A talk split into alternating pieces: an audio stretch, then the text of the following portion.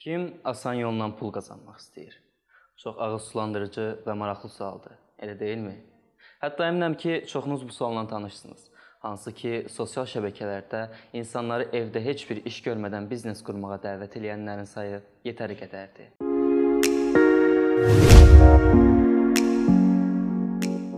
Hansı birimiz gündəlik iş qayğılarını bir kənara atıb pasiv gəlir əldə etmək istəmirik ki? Üstəlik bunu eləyən milyonlarla insan varkən, niyə biz də onlar kimi asan yolla pul qazanmayaq? Elə bu gün də haqqında danışacağım mövzu 100 illik kərək deyə tarixə keçmiş Charles Ponzi sistemidir. Əziz izləyicim, kanala abunə olub bildiriş düyməsini aktivləşdirsən, növbəti maarifləndirici videodan hamıdan daha tez xəbərdar olarsan. Üstəlik, öz çevrənin də maariflənməsini istəyirsənsə, videonu paylaşa bilərsən. Tarix 1920-ci il göstərir. Məşhurlaşaraq kələkbaz adlandırılacaq Charles Ponzi-nin ağlına möhtəşəm bir sual gəlir. Kim asan yolla pul qazanmaq istəyir? Əlbəttə, kələkbaz olmaq üçün də ağıl və analitik düşüncə mühümdür. Elə Charles Ponzi də bu sualın üzərindən yola çıxaraq möhtəşəm bir piramida qurur. Hansı ki, bu piramidanın sonu bəlli deyil. Təbiətdə də görülən bakteriyaların bölünmə prinsipi bu məsələni anlamaq üçün ən yaxşı izah yoldur. Necə? Gəlin baş salım.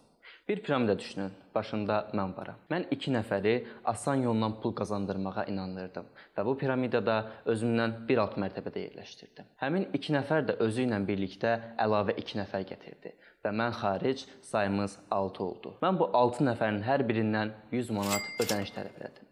Hansı ki, növbəti aylarda bu 100 manatın müqabilində onlara 10 manat faiz verəcəyəm. Cibimdə isə 600 manat pul oldu. Növbəti ayda da yeni qoşulanların hər birinin 2 nəfər gətirdiyini hesablasaq, mən xaric sayımız 14 olur. Beləcə, yeni qoşulanların da hər birindən 100 manat vəsait tələb elədim və əvvəlki ayın 600 manatı ilə birgə 1400 manat pulum oldu. Bir şey unutmayaq, mən ilk ayda ödəmə eləyənlərə 10 manat faiz vəd eləmişdim. Beləcə 6 nəfərə 10 manat versəm, 60 manat pulum getmiş olar və 1340 manat pulum qalır. Bu mərhələ çox əhəmiylidir. Niyə deyə sual etsəniz, mən 10 manat verdiyim şəxslər öz qazancları barədə ətraflarına məlumat yayacaq və bu sistem daha da məşhurlaşacaq. Sayımızsa hər ay təkrarlanaraq durmadan artır və beləcə böyük bir piramidaya çevrilirik. Hər kəs öz qazancı barədə çevrəsinə məlumat verəndə insanlar arasında belə bir sual yaranır.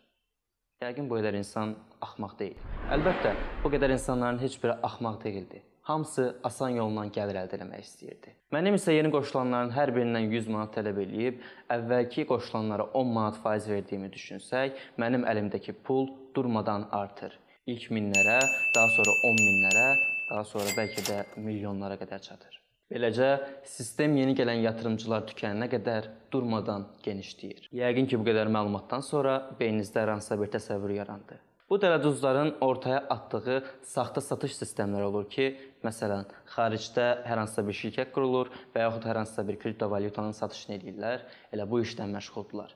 Amma pərdənin arxasında baş verənlərdən heç kəsin xəbəri olmur və asan gəlir əldə edən insanlara bu maraqlı olmur. Onlar sadəcə pullarının dərdindədirlər. Hətta gəlin ölkəmizdə də ifşa olunan ponzilər haqqında danışaq. 2019-cu il Kənan Mustafazadə və qeyriləri 2018-ci ildə şəbəkə biznesi qurmaq qərarını aldılar. Onlar dövlət qeydiyyatından və dövlət reyestrindən keçməyən Investland adlı bir şəbəkə qururlar. Hansı ki, bu şəbəkənin lokal bir proqramında olur. Onlar şəbəkə biznesini uğurla təbliğ edirlər. Bridic Coin adlanan saxta bir kriptovalyutanın satışa çıxarıldığı barədə insanları məlumatlandırırlar və mərkəzi ofislərinin Amerika Birləşmiş Ştatlarında olduğunu, onların isə Azərbaycandakı rəsmi nümayəndə olduqlarını deyərək insanları aldadırlar. Nəticədə bütün dəstə üzvləri həbs olunur. 2021-ci il Bakı şəhər sakini Gülara Abdullayeva və qeyriləri ölkədə Insaksis adlı saxta bir biznes qururlar.